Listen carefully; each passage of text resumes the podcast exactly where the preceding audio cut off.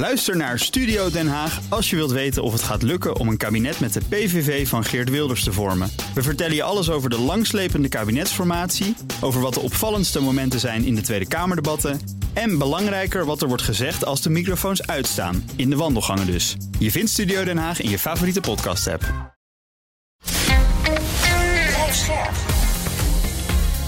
BNR Nieuwsradio. Boekenstein en de Wijk. Hugo Reitsma. Dit is een extra uitzending van Boekenstein en de Wijk in verband met de oorlog in Oekraïne en de crisis met Rusland. Het is woensdag, dag 231 van de invasie. Een dag met nieuwe Russische terreurbombardementen, zoals op een uh, stad in het oosten van Oekraïne. Een mm -hmm. drukke markt is daar geraakt, met zeker zeven doden. Gisteren meer aanvallen op uh, de uh, Oekraïnse energieinfrastructuur. Op Lviv zijn een aantal centrales beschadigd. Een aantal onherstelbaar, heeft de minister mm -hmm. van Energie gezegd. Dus Rusland gaat voort op dezelfde voet. Ja, gewoon terreurbombardementen. Hè?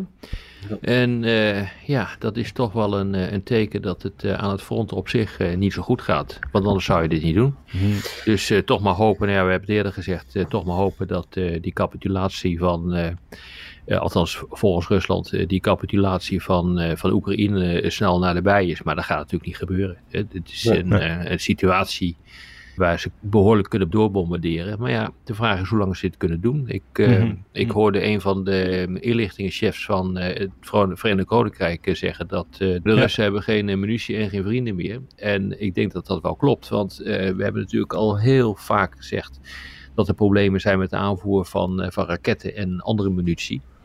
En ja, dat wordt nu ook bevestigd door de Britse inlichtingenkanalen. Ik ga ervan uit uh, dat ze meer informatie hebben dan wij. Maar wat hm. wel interessant is, is wat er op dit ogenblik in Belarus gebeurt. Ja.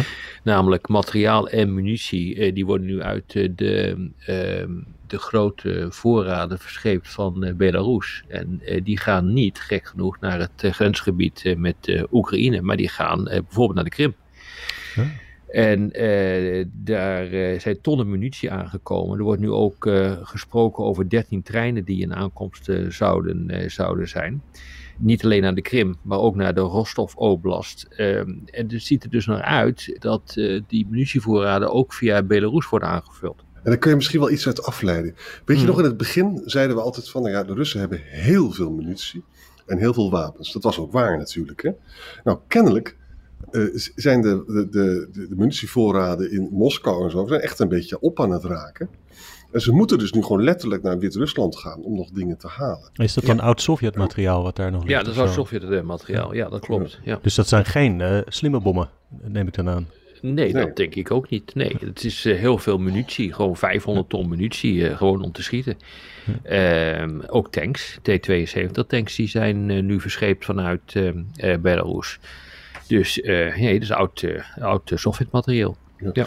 En wat we ook zien is dus dat de Oekraïne is ongeveer in staat om de helft van die raketten uit de lucht te halen, las ik ergens. Ja, klopt. Uh, en nu is de grote druk op Biden om die, die NASAMS uh, te gaan uh, ja. leveren. Hè? Want die zijn heel precies en die kunnen dat heel goed doen. Ik heb ook filmpjes gezien over dat Oekraïne in staat is soms om met mobiele dingen uh, uh, raketten uit de lucht te halen. Het is ongelooflijk waar ze toen in staat zijn hoor. Maar het grote probleem voor Kiev is, het is prachtig als het allemaal geleverd wordt, maar ze hebben meer Russian-style weapons nodig, want die kennen ze goed hè. Ja, die kennen ze goed. Overigens, ja. uh, als het gaat om luchtverdediging, die NASAMS die worden vanuit de Verenigde Staten dan geleverd. Maar die RST, dat zijn uh, systemen die uit Duitsland komen, die worden nu echt met grote voortvarenheid het land binnengebracht. Hè? Ja, die en realiseer je, realiseer je dat al tijdenlang Oekraïners worden getraind op het gebruik van die NASAMS en die RST-systemen. Ja, en die zijn heel precies. Uh, Duitsland levert er vier en de eerste komt er heel snel aan en de andere drie volgen nog. Ja. Dus daar kunnen ze wat hopen uit. Maar goed, ja, maar het is natuurlijk altijd maar de vraag wat dat gaat tegenhouden. Hè? Uh, ja. Want uh, je moet nu ook heel goed bepalen wat je doelen zijn. Uh, en je moet goed bepalen hoe je die doelen, bijvoorbeeld, ik neem maar wat, Kiev wil gaan beschermen. Daar kan je dan een, een cordon van systemen omheen zetten. Het probleem is dat eigenlijk de aanvallen van alle kanten komen, vanuit zee, maar ook vanaf uh, land. Hm. dus dat is heel erg lastig om, om je goed te kunnen verdedigen. En de geëikte truc is natuurlijk dat je het hele systeem kan overweldigen. Dus je calculeert gewoon hoeveel verdedigende systemen er zijn opgesteld rond Kiev.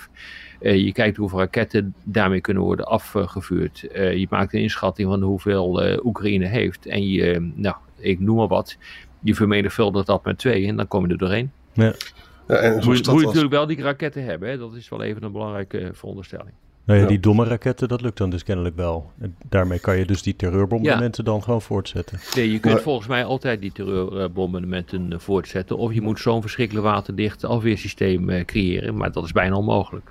Dat is echt bijna onmogelijk. Dat vertellen alle militaire experts. Het is gewoon ongelooflijk lastig om alle raketten eruit te halen. En bedenk ook, hij doet het op elf, de elf grootste steden. Bijvoorbeeld Lviv in het westen. Ik kan me zo voorstellen dat daar gewoon minder systemen anti-air defense staan opgesteld. Mhm. En dat dat gewoon heel kwetsbaar is. Ja. ja. Nederland overigens, in aanvulling op wat jullie net zeiden van de VS en Duitsland. Nederland levert voor 15 miljoen aan luchtverdedigingsraketten, heeft minister Ollengren in uh, Brussel gezegd bij die NAVO-ministeriële. Ja. ja. En wat voor, wat voor systemen zijn dat erop, weet je dan? Nee. Het zijn alleen raketten, is er gezegd, en verder niet gespecificeerd. Volgens mij zouden uh, andere bondgenoten zouden dan de systemen leveren. Dan zou het, om, zou het dan om Patriots kunnen gaan? Ik weet het niet. Dat zouden we dan eens even moeten checken. Maar de ellende met Patriots, daar moet je dus echt heel goed getraind personeel bij hebben. Ja, maar dat geldt natuurlijk ook voor die andere systemen. Maar je moet dan, had dan al lang, had dan al lang uh, al die Oekraïners moeten trainen op die systemen. Ja, en we weten dus gewoon niet of dat gebeurd is. Hè? Nee, er zijn een aantal dingen die blijven echt helemaal geheim, zelfs voor ons. hey, zou ik een poging mogen doen om het eens een keer op een positievere boeg te gooien? Nou, ja. ik weet niet of, uh, of we daar zo wel zo voor zijn. ik probeer dat af en toe. Maar hè, dus Rob, jij had het over die chef van uh, eh, GCHQ. Die, die zei dus dat de Russen in een wanhopige situatie zitten. Zou dat de Russen ook kunnen aanzetten tot een bereidheid om alsnog te praten? Want er komen wat overleggen of mogelijke overleggen aan. Hè? In Kazachstan ja. en misschien bij de G20 later. Ja, Lavrov heeft daar uh, ook op uh, gehind. En die heeft inderdaad ook gezegd van nou, uh, bij de G20, dat vindt plaats waar ook alweer? Indonesië. een maand, hè? Indonesië. Ja, ja. Uh, daar zien Biden en, uh, en Poetin elkaar en er zou er gesproken moeten kunnen worden. Kijk, dat zijn natuurlijk altijd uitstekende gelegenheden om dat uh, te doen. Ja, het zou mij niet verbazen als de, de Russen zouden willen gaan praten. Alleen de vraag is waarover. Ja, hmm. want als je daarover nadenkt, ik bedoel, als je dus eenmaal die terreurbombardementen doet, trouwens, dat was daarvoor ook al, hè, Mariupol is, helemaal, Mariupol is gewoon helemaal platgelegd, en Isium ook, hè, hmm. dan is het natuurlijk gewoon zo dat uh, uh, Zelensky zal niet uh, willen onderhandelen over, over, over landjepik of zo. Die, dat, dat stadion is nu echt gepasseerd. Ja, hè? dat klopt. Dus er valt, valt daar niet over te onderhandelen. Biden heeft ook gezegd van nou, ik wil wel praten met Poetin, maar dan wil ik die basketballer wil ik vrij krijgen uit Rusland. Weet je wel? Nou ja, dat kan Poetin gewoon doen als hij uh, als die daarmee een gesprek kan krijgen.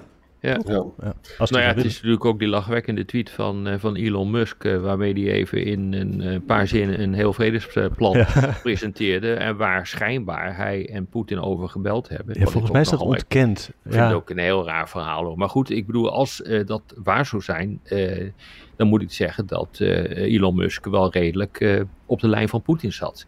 Ja. Uh, namelijk, hij zegt van ja, dan zou je de Krim.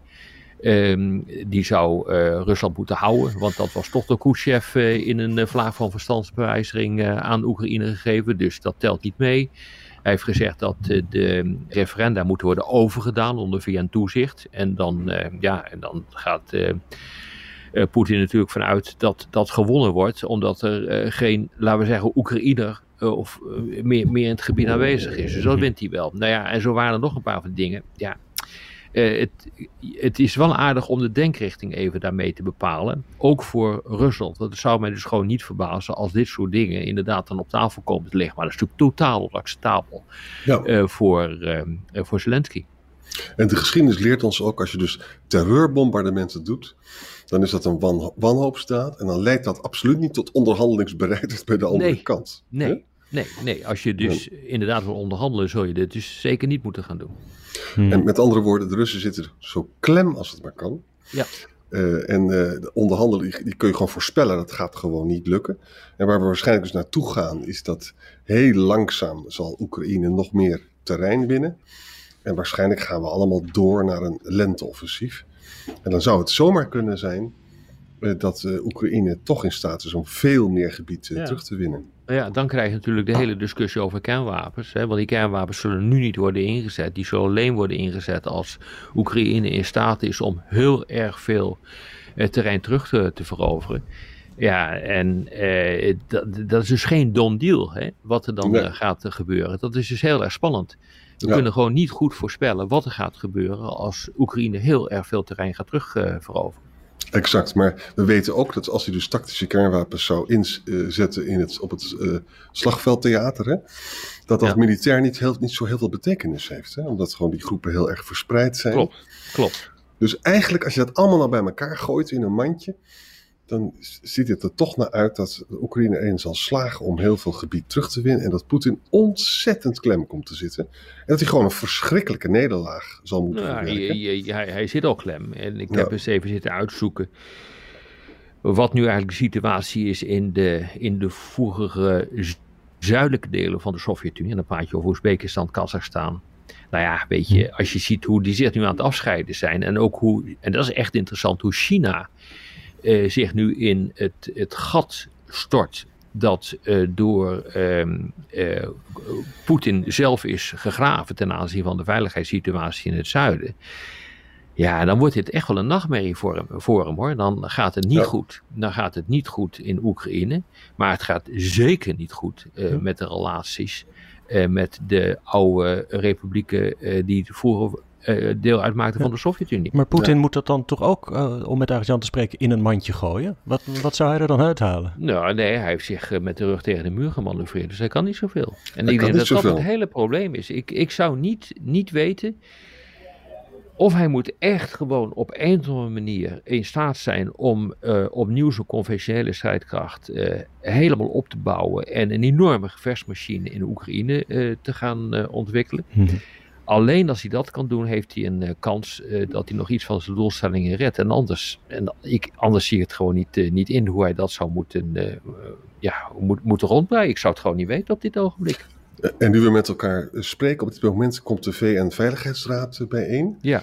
En, en India heeft dus gezegd van, ik weiger om een geheime stemming te accepteren. Ja. Ook daar dus weer, hè, dat, dat had toch allemaal niet mogen gebeuren vanuit Moskous perspectief. Het gebeurt dus allemaal wel. Hm. Poetin is hartstikke wanhopig. Hij zegt op het gasterrein ook: Nou, ik ben wel bereid om de Nord Stream 2 weer te openen hoor. En dan kunnen jullie weer gas komen. En als je dat niet wil, dan kan ik ook het gas wel via de Zwarte Zee. En maak ik een hele grote gashub in Turkije. Nou, Rob heeft wel eens gezegd een week geleden of twee weken geleden: van we moeten gewoon helemaal geen gas meer kopen. Ja, ik denk dat je helemaal ermee moet stoppen. Ja. ja. dat denk ik dus ook. Gewoon afgelopen. en, dan Is die, en, dan is die, en dan is die kaart dus ook uh, verspeelt, de Poetin. Ja, klopt. En als hij bijvoorbeeld een kernwapen zou inzetten, moet je ook uh, besluiten tot een totale handelsblokkade met, uh, met Rusland. Nou, dan is het echt een geweldig probleem. Maar dan heeft hij een onover, onoverzichtelijk probleem. Wil trouwens niet zeggen dan dat de oorlog daarmee voorbij is. Maar het land wordt wel hm. kapot gegaan, maar, gemaakt. Maar een kapot land kan nog steeds oorlog voeren. Dat moet, je, hm. dat moet je wel realiseren. En je kunt ook gewoon scenario's voorstellen dat er straks dus uh, dat Poetin aan de kant wordt geschoven. Dat er een nog agressievere jongen wordt neergezet. Maar die heeft te maken met dezelfde constellatie van uh, factoren. Ja. Jongens, zo langzamerhand ziet het eruit dat op termijn Rusland dit gewoon helemaal gaat verliezen. Nou ja, dat, die, die, dat, dat, dat zou, ja, je moet nooit te vroeg juichen. En je weet nooit wat er gebeurt, want in een oorlog uh, gebeuren altijd zeer onvoorspelbare dingen. Mhm. Maar als je er zo kijkt, hè, op dit ogenblik uh, uh, komen 50 landen bijeen. de Defense Contact Group. Ja. En die gaan dus eh, bepalen uh, wat voor nieuw materieel er naar uh, Oekraïne wordt, wordt gezonden. Dus niet onbelangrijk. De ministers van de NAVO, ministers van Defensie van de NAVO, die komen bijeen. die praten over de uitvoering van de besluiten van Madrid. Hè. Weet je wel, dat was die, ja. die NAVO-top die nog niet zo lang geleden is gehouden. We gaan praten over de nieuwe organisatie van Defensie, modernisering. Hoe gaan we afschrikking inrichten? Ja, hij heeft wel wat ontketend hoor. Hm. We gaan nog roerige tijden tegemoet voordat ze dit stof uh, ergens ja. neerdwarrelt. Maar het begint nu wel naar een climax uh, te lopen hoor. Dat, uh, dat, dat ziet er toch wel naar uit dat dat op dit ogenblik gebeurt. Maar de grote vraag is of we het in Europa bij elkaar weten te houden. Als je nu gewoon kijkt wat er de afgelopen dagen is gebeurd in Oost-Duitsland, waar de protesten echt zijn aangezwollen. Honderdduizend mm. mensen gingen, nou wat is het, een week geleden de straat op in, in de oude in het gebied van de oude DDR en willen normalisatie van de betrekkingen met uh, Rusland en, uh, en, vragen over heropening uh, van de gaspijpleidingen. Ja, kijk, dat is natuurlijk precies wat, wat Poetin wil. Hè? Ja. En ja, daar zit dus echt wel een, ja, daar zit wel een probleem in. Dus in die zin is het toch is het nog heel spannend en is het geen gelopen race. Ook niet voor het Westen en zeker niet voor, voor Poetin. Ja.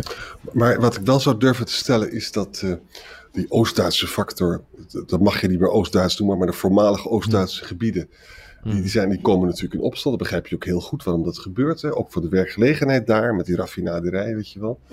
Maar um, Scholz heeft zich zo duidelijk achter deze wapenleveranties uh, uh, gericht. En trouwens ook uh, de Groenen. Mm Macron levert ook weer wapens.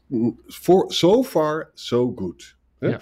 En, en ook, ik denk ook dat Draghi gezegd heeft tegen Maloney van ik wil je best helpen, maar je gaat niet de wapenleveranties aan Oekraïne stoppen. En je gaat dat herstelplan keurig uitvoeren. En dat, dat, en dat is haar bandbreedte. Dus vooralsnog jongens, het Westen blijft één. Nou, laten we daar snel mee eindigen voordat we weer een nucleair salario uit de kast komt. Een mooi optimistisch einde. Tot morgen. Tot, tot morgen jongens. Ook Hugo Reitsma vind je in de BNR-app. Superhandig die BNR-app. Je kunt alle programma's live luisteren, breaking nieuwsmeldingen. Je blijft op de hoogte van het laatste zakelijke nieuws. En je vindt er alle BNR-podcasts, waaronder natuurlijk de belangrijkste, Boekenstein en de Wijk. Download nu de gratis BNR-app en blijf scherp.